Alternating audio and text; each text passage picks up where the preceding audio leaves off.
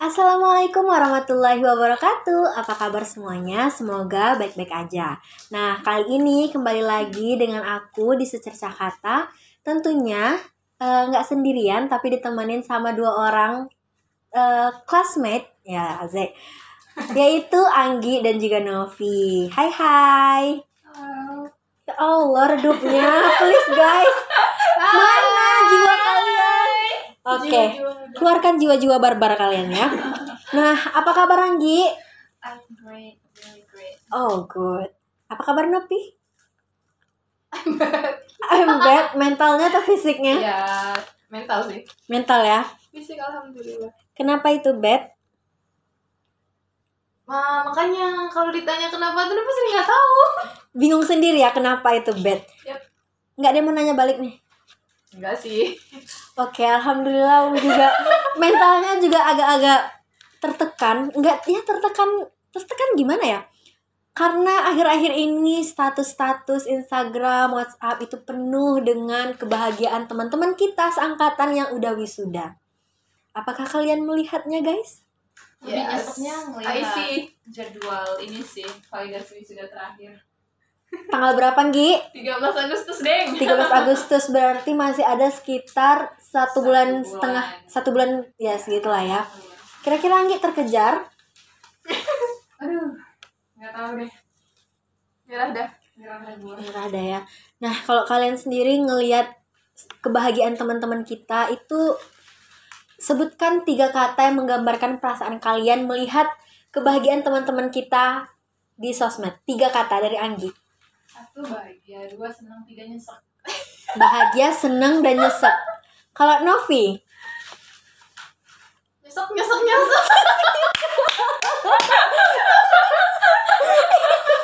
paling jujur banget Kalau bahagia ya, ya ya udah itu kebahagiaan mereka. Tapi di Novinya lebih ke Nyesek ya? Nyesek, nyesek. nyesek Oke. tapi tapi nyeseknya itu lebih kepada karena diri kita sendiri kan bukan Iya. karena di dianya atau Ah, bukan karena bener. kita jealous ke orang Iya. dianya tapi jealous ke diri kita sendiri nggak sih Yep. jealous ke progres diri kita Yep. ya benar ya Right. Duh kayaknya kita positif banget gak sih itu positif negatif gak sih Negatif. tapi memang eh, percaya nggak percaya ya itu namanya juga proses lah ya kan. Yep. kadang kalau mau kita kalau misalnya mau ngebela diri nih Azek ngebela diri kita juga nggak tahu proses mereka itu secepat atau selambat apa.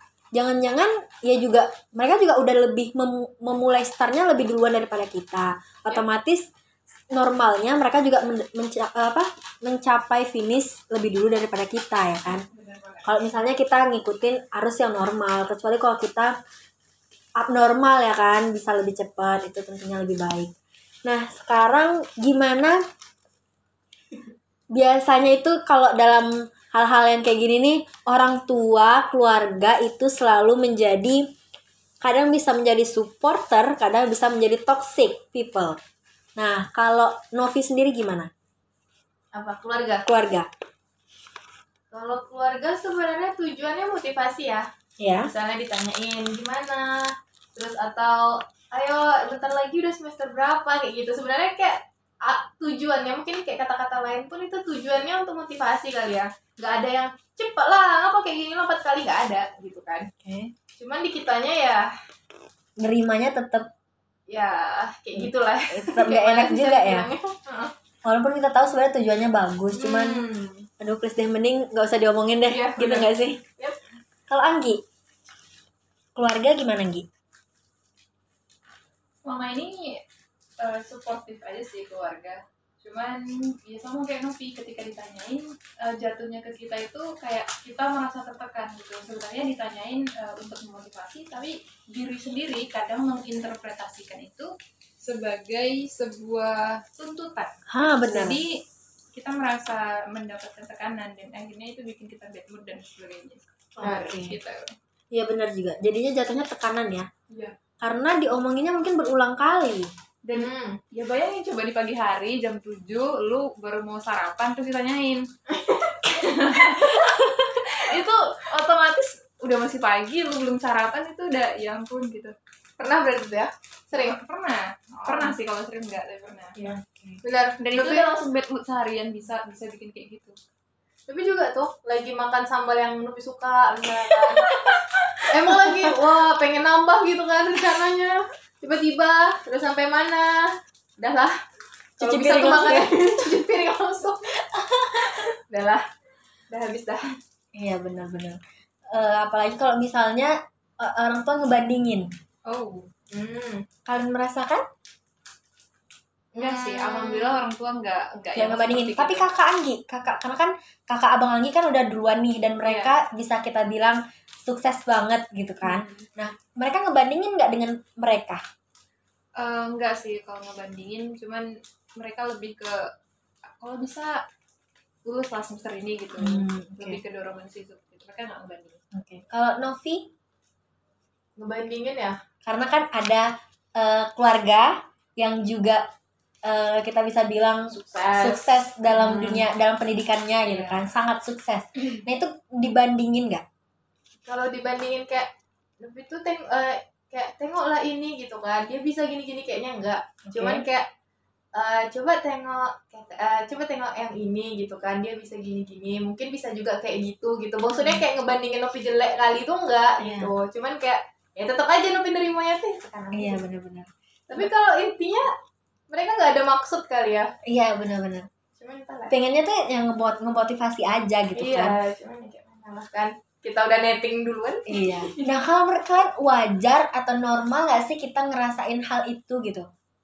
Ngerasain hal yang tadi yang sebenarnya orang tua kita tuh positif loh, tapi kita tuh jadinya nganggapnya negatif atau bahkan kita justru jadinya ngeresponnya justru dengan omongan yang negatif, sikap yang negatif, tatapan ekspresi yang negatif. Itu wajar atau enggak sih ba- bagi kitanya? wajar atau enggaknya wajar sih kalau boleh ngebela diri ya Ya. boleh, boleh, boleh. wajar wajar sih wajar Wajar ya. karena apa ya yang nggak ada rasanya wajar Manusiawi aja gitu ya. aja Anggi gimana Anggi?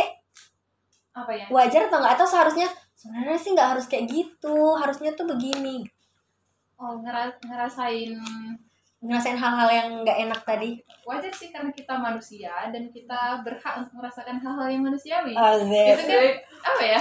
Kayak kita punya emosi ya udah kita rasain aja, Ah, cuman iya. jangan jangan berlarut gitu. ah iya Itu aja benar sih. sekali Dan jangan terbawa-bawa ke mana-mana gitu. Kalau kita bad mood di situ, abisin bad moodnya. eh, kalau kita mau ngapain ya ngapain aja.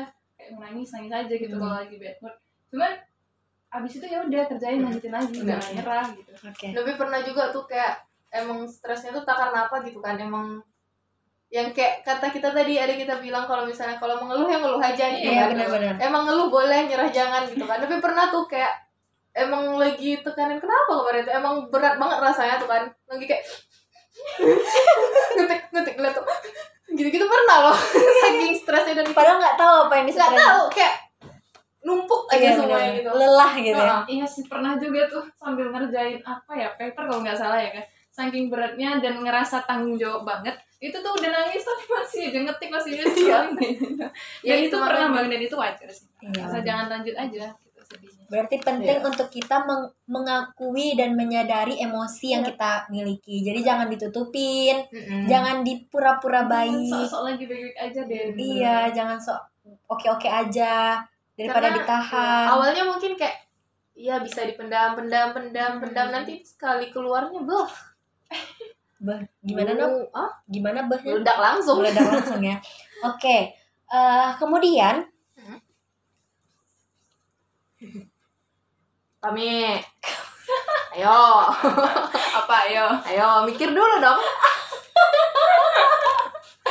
Oke, nah kalau misalnya apa ayo? Habis pembicaraan mi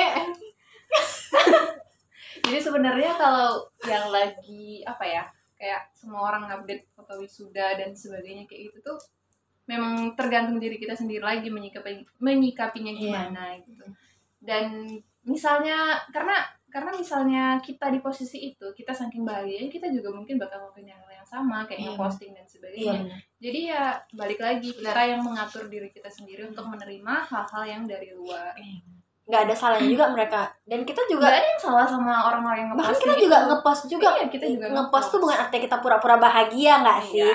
kalau kalau misi bukan karena pura-pura tapi emang kita benar-benar bangga dengan pencapaian teman kita Iya, karena kita bener. tahu itu berat dan mereka Iya. udah berhasil dengan prosesnya mereka. Iya. Tapi yang kita kesalkan itu kalau misalnya ada orang yang kok si itu udah kok kalian belum sih? Ah. Kok yang ini belum ada sih? Kok ini belum ada sama sekali nih nih, nih, nih.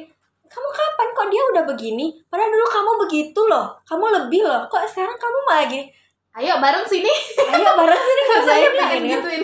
Jadi kalau pembelaannya kita nih karena berhubung kita satu kelas, satu jurusan ya kan menghadapi problema yang sama ya kan. Memang kita punya aturan-aturan yang berbeda dengan mereka-mereka sehingga dan punya apa ya? Apa yang kita teliti, apa yang kita lakukan itu juga rules-nya berbeda gitu kan. Jadi ya prosesnya juga berbeda. intinya buat orang-orang yang mungkin ya mungkin suka ngebandingin atau membandingkan proses sebenarnya kita coba meletakkan diri kita di tempat orang itu aja sih Iya, biar enggak ini biar bisa memahami orang lain Tapi ya, dan buat orang-orang yang suka ngebandingin sini coba bantuin gue ngerjain di Iya, sini benar. gitu ya nggak nggak di fakultas lain aja sih. Kayak misalnya di antara teman-teman kita aja lah. Kayak Iya. rasanya tuh orang mandang misalnya kita udah sampai di titik kayak kayak ngambil ngambil apa sih? Ngambil data misalnya gitu kan. Dan mereka mungkin masih belum gitu. Dan mereka mungkin mikirnya ih mulus banget sih jalannya. Iya, iya apa sih? Padahal tuh nangis darah nangis darah deh untuk sampai ke situ gitu kan. Jadi Orang nggak ngelihat, ah, orang nggak ah, tahu. jadi ya prosesnya nggak kelihatan Iya, dan kita juga bukan artinya kita akhirnya harus mem- mempamerkan proses Iya, kita benar. biar orang tahu, biar orang paham enggak Mm-mm. juga karena itu nggak penting juga kan. Jadi lebih baik nggak usah mengeluarkan kata-kata yang bikin orang nggak enak karena kita nggak Iya, tahu benar. prosesnya. Yang mending kalau nggak bisa nyemangatin, yang mending diem aja kayak gitu kan. Mm-mm. Kalau bisa nyemangatin, bantuin yang lebih bagus.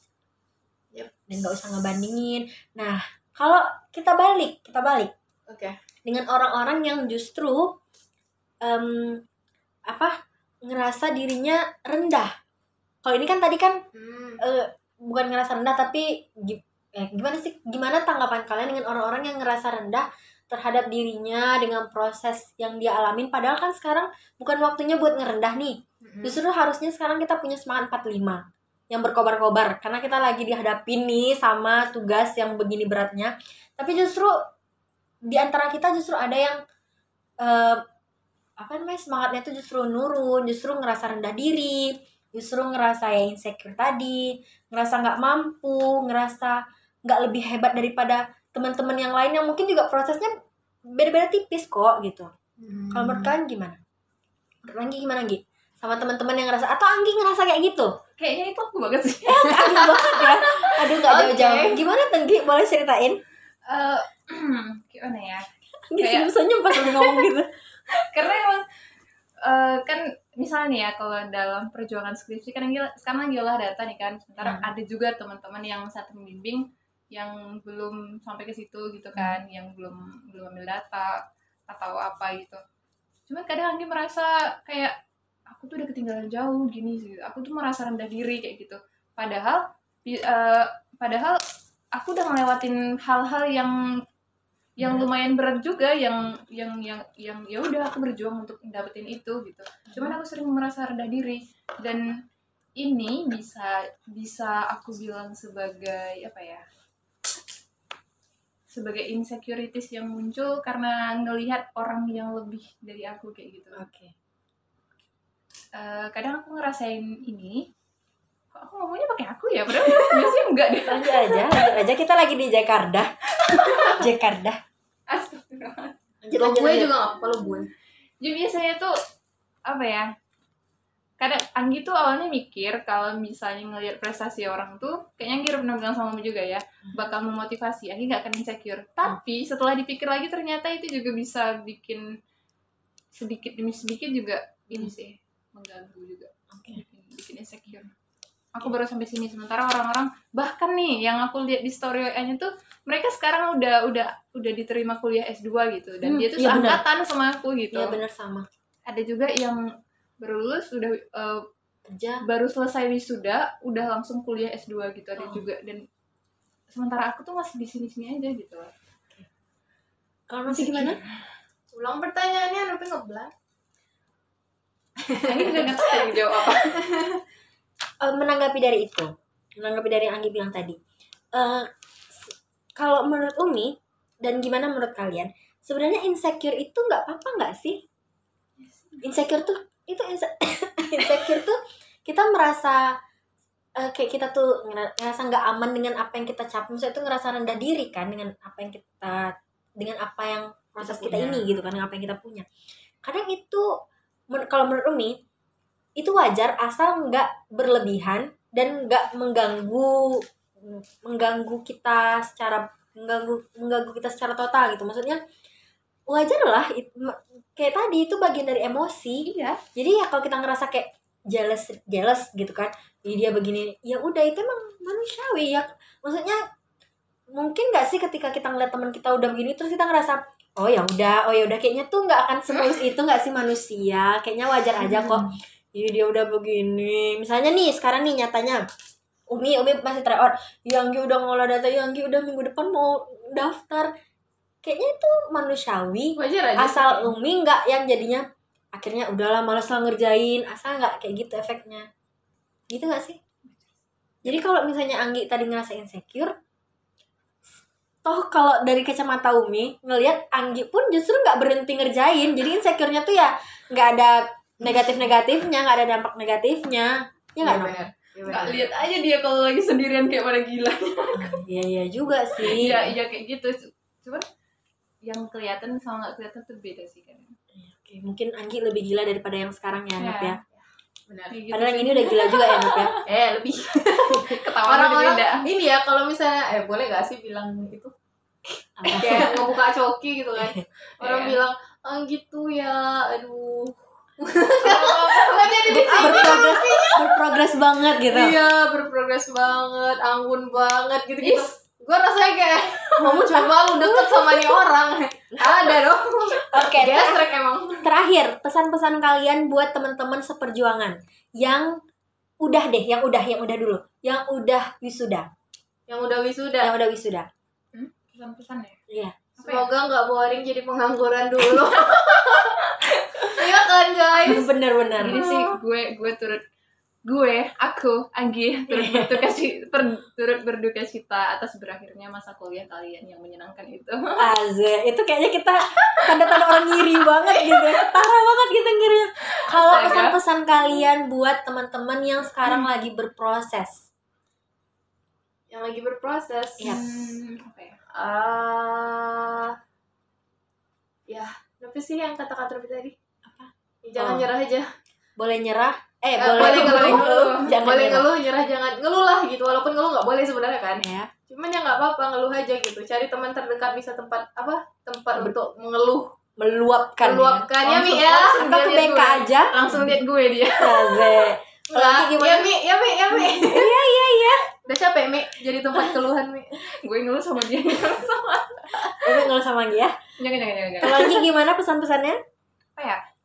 Sama sama aja sih kayak Novi. Jangan berhenti berjuang. Kalau capek ya udah berhenti. Kalau mau ngeluh ya ngeluh. Kalau mau nangis nangis. gitu. iya jangan ditahan-tahan Ya, lu manusia kok. Oke. dan kata-kata orang yang bikin lebih down tuh ya udah anggap itu aja Boleh lah nangis sebentar karena Ah, kata-kata iya. itu, tapi Ah, ya iya. siapa sih mereka emang mereka yang bayarin Ah, kita. Kalaupun misalnya itu orang tua kita yang bayarin, ya udah sih. Emang kan wajar mereka karena mereka pasti punya ekspektasi dong Iya, gitu kan. Kalau juga wajar sih kalau orang tua pengen gimana gimana ya udah. Tapi tetap aja yang jalanin kita, semua prosesnya kita jangan sampai kita jadi gila, Hmm, ya kan? betul. Nah, buat teman-teman yang justru sekarang lagi berada di titik terendahnya. Dari Umi lah dari Umi dulu lah. Dari Umi kan dulu kami dong, tadi deh. iya. ayo ayo. Dia sendiri buat teman-teman yang lagi ngerasa down banget ya udah kayaknya tuh ya udah kalau kalian mau nangis di sudut kamar ya udah nangis aja dulu. Mau seharian nangis ya nggak apa-apa nangis seharian. Mau nangis seharian ya nggak apa-apa nangis seharian. Mau teriak-teriak sambil nyanyi juga nggak apa-apa mau ngapain? Mau makan banyak-banyak buat ngilangin stresnya juga nggak apa-apa. Asal ingat uang. Tapi ingat lagi, ini hidup kita. Kita yang punya tujuan, kita yang punya akhir, kita yang punya proses. Kalau nggak kita lanjutin, ya ngapain hidup kalau gitu. Tapi jangan mati juga jangan bunuh diri lah ya. Karena ingat dosa. Tapi ya sekali lagi yang namanya bahagia sedih senang eh, apalagi nangis suka duka itu pasti semuanya ada waktunya pasti akan berlalu. Sekarang sedih ya pasti nanti akan ada bahagia.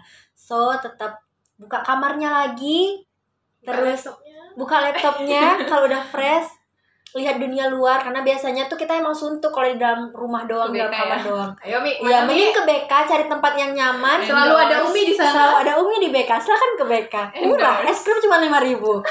ya, itu pesan-pesan dari Umi. Kalau menurut kalian gimana, Anggi? Silakan. apa ya kayaknya udah disampaikan semua sih tadi eh, mewakili juga dari Umi dari Rofi sama kayak gitu kalau kalian ngerasain hal-hal yang yang mungkin kalian malu untuk tampilkan di depan umum misalnya di depan orang tua kayak misalnya nggak mau nangis di depan orang tua biar nggak dijudge dan sebagainya ya udah kalian ke sudut kamar aja kunci aja kamarnya nggak apa-apa kok kalian nangis seharian boleh banget kalian manusia dan sebenarnya kalian harus memperlakukan diri kalian sebaik-baiknya sih sebagai tamu kayak gitu asik Nopi gimana, Nopi? Kayaknya udah diambil sama kalian semua deh. Mulai bingung mau ngomong apa. Oke, oke cukup. So, selamat dan semangat tetap berjuang buat teman-teman kami seangkatan kelahiran 19 eh 99 98. Oke, gue Iya. 98. Gue 98 dari seperti marah. Pokoknya angkatan 2017 lah ya kuliahnya ya. Dan buat teman-teman yang udah kerja mungkin atau mungkin udah punya anak ya kan. Atau mungkin sekarang eh, pokoknya apa pun sekarang yang sedang kalian jalani, semangat berproses. Semoga kita bisa sama-sama sukses dengan kesuksesan kita masing-masing. Versi mas. Versi masing-masing. Em, stay positif, stay healthy, stay apa lagi weh? Stay at home. Karena masih corona. Iya. Terima kasih sudah mendengarkan. Bye bye. Assalamualaikum warahmatullahi wabarakatuh. Assalamualaikum warahmatullahi wabarakatuh. Apa kabar semuanya? Semoga baik-baik aja. Kembali lagi dengan aku tentunya di Secercah Kata. Terima kasih udah klik podcast ini dan semoga kamu nyaman mendengarkan sampai di akhir nanti. Nah, seperti biasanya aku pengen ngobrol nih sama kamu kali ini tentang merawat luka. Mungkin kamu yang sedang mendengarkan ini pernah punya luka atau mungkin sekarang sedang terluka dan luka itu belum bisa untuk dimaafkan mungkin. Luka itu masih sangat membekas mungkin atau ibaratnya luka itu masih sangat basah gitu ya. Baru aja terluka. Luka itu masih selalu terngiang-ngiang mungkin dalam pikiran kamu. Masih belum bisa untuk ikhlas, belum bisa untuk dimaafkan. Dan banyak banget orang yang selalu menyarankan agar kita nih yang sedang punya luka untuk udah deh maafin aja, ikhlaskan. Dan memang menurut aku memaafkan dan mengikhlaskan adalah satu-satunya cara agar kita bisa kembali normal, agar kita bisa move on dari luka itu. Tapi memang memaafkan dan mengikhlaskan itu nggak mudah gitu ya. Bahkan banyak juga orang yang nyarankan agar kita tuh udah deh lupain aja, udah deh nggak usah diingat-ingat lagi lukanya. Itu nggak mudah loh gitu kan. Luka itu udah masuk ke dalam memori otak. Bukannya segampang kita klik delete terus dia kehapus, kita udah nggak inget-inget lagi kan nggak segampang itu gitu. Jadi sangat it's okay, sangat wajar kalau misalnya kita masih mengingat-ingat luka tersebut. Bukan artinya kita dendam, pengen melakukan hal yang buruk yang sama yang dilakukan oleh orang tersebut, bukan. Tapi memang melupakan itu nggak mudah gitu. Itu hubungannya dengan hal-hal yang ada di otak kita ini gitu ya. Jadi buat kamu yang mungkin eh, sering gitu ya tanpa sadar atau sadar pun menyuruh orang lain untuk melupakan setiap sakit hati yang dia rasakan, setiap luka dan pedih yang dia rasakan, kayaknya kita perlu nggak usah terlalu ngoyo gitu ya buat menyuruh mereka lupa, karena memang itu nggak mudah. Mending cara untuk merespon luka menurut aku adalah dengan merawatnya. Meraw- merawat luka itu dalam artian kita sadar betul bahwa kita memang sedang terluka. Kita perlu mm, mengakui bahwa kita memang sedang gak baik-baik aja. Bahwa memang kita sedang sakit, bahwa memang kita sedang dikecewakan, bahwa memang kita sekarang sedang kesal gitu ya. Dan banyak banget orang yang mungkin memilih untuk um, masa bodoh dengan perasaan lukanya itu dan menganggap uh, apa ya selalu menolak bahwasanya dia sedang terluka. Menurut aku itu justru nggak baik ya, karena sering banget ketika kita mencoba untuk berusaha keras untuk masa bodoh dengan luka, justru luka itu juga semakin keras usahanya untuk bikin kita nyesek. Pernah gak sih kamu tuh kayak misalnya tengah malam tuh gak tahu kenapa, atau tahu nyesek aja gitu. Tahu-tahu sedih aja gitu. Tapi kita gak tahu sedihnya kenapa. Ya mungkin itu karena kita nggak mau mencoba untuk menyadari bahwa ya memang kita sedang terluka. Nah, merawat luka itu salah satu caranya dengan kita menyadari bahwa kita memang sedang terluka.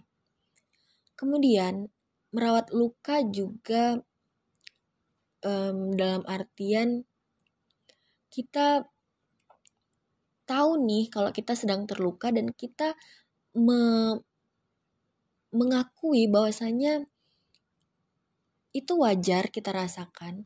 Kalaupun kita marah, kalaupun kita kesal, kalaupun kita um, pengen nangis, ya nggak apa-apa, it's okay.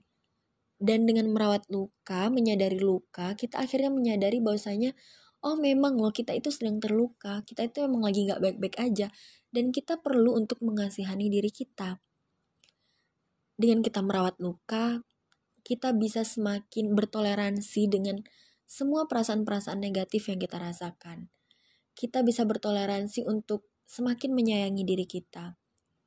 Ibaratnya nih kalau kita ngeliat orang sedang luka, berdarah, terus otomatis kan kita akan membantu, akan mem, merawatnya gitu ya. Ya kenapa sih kita nggak bisa ngelakuin hal yang sama terhadap diri kita? Kenapa ketika orang sedih, kita bisa membujuk mereka atau bisa menenangkan mereka. Tapi kenapa ketika kita sedih, kita nggak bisa melakukan hal yang sama terhadap diri kita? Atau mungkin kita terlalu sering untuk hmm, itu tadi membuat diri kita itu buat masa bodoh aja dengan luka itu. Udahlah, kuatlah kamu. Udahlah, nggak usah dipikirin. Kamu mah bisa, kamu mah tangguh. Ya terkadang itu perlu, tapi terkadang mengasihani diri sendiri itu juga sangat perlu. Menyayangi diri kita, bahwasanya memang kita sedang terluka, itu sangat penting. Dan merawat luka juga dalam artian um, bukan artinya kita memendam memendam dendam gitu ya. Tapi kita bisa menjadikan memori tentang luka itu yang belum bisa terlupakan itu sebagai pengingat kita bahwasanya dilukain itu tuh sakit loh, dilukain itu tuh nggak baik loh, disakitin itu nggak enak loh gitu. Jadi kita jangan ngelakuin hal yang sama terhadap orang lain. Merawat luka ketika kita sadar bahwa luka itu memang gak enak rasanya, ya maka kita juga sadar bahwa kita gak akan mau ngelakuin hal yang sama terhadap orang lain. Termasuk pun terhadap orang yang sudah membuat luka itu kepada kita. Ya nggak penting sih buat ngebahas dendam gitu ya. Ya percaya aja bahwa selama kita melakukan hal yang baik ya kita juga akan mendapatkan yang baik. Selama dia melakukan hal yang buruk ya mungkin dia juga akan mendapatkan balasan yang buruk jadi kita nggak perlu mengotori tenaga mengotori tangan kita membuang tenaga kita untuk membalas dendam gitu ya itu tentang merawat luka kalau menurut kamu gimana sih tentang luka apa memang perlu untuk kita berusaha sekuat tenaga untuk melupakan memori luka itu? Atau lebih mending kita merawat aja lukanya? Ya kapan dia mau lupa ya boleh lupa. Kapan dia mau pergi dari ingatan kita ya udah silahkan pergi. Tapi selagi dia masih ada di dalam pikiran kita, selagi dia memang masih sulit untuk kita lupa, ya nggak apa-apa. Kita rawat agar kita juga menjadi pribadi yang semakin menyayangi diri kita dan semakin sadar bahwa memang melukai itu nggak baik. Ya mungkin itu dari aku.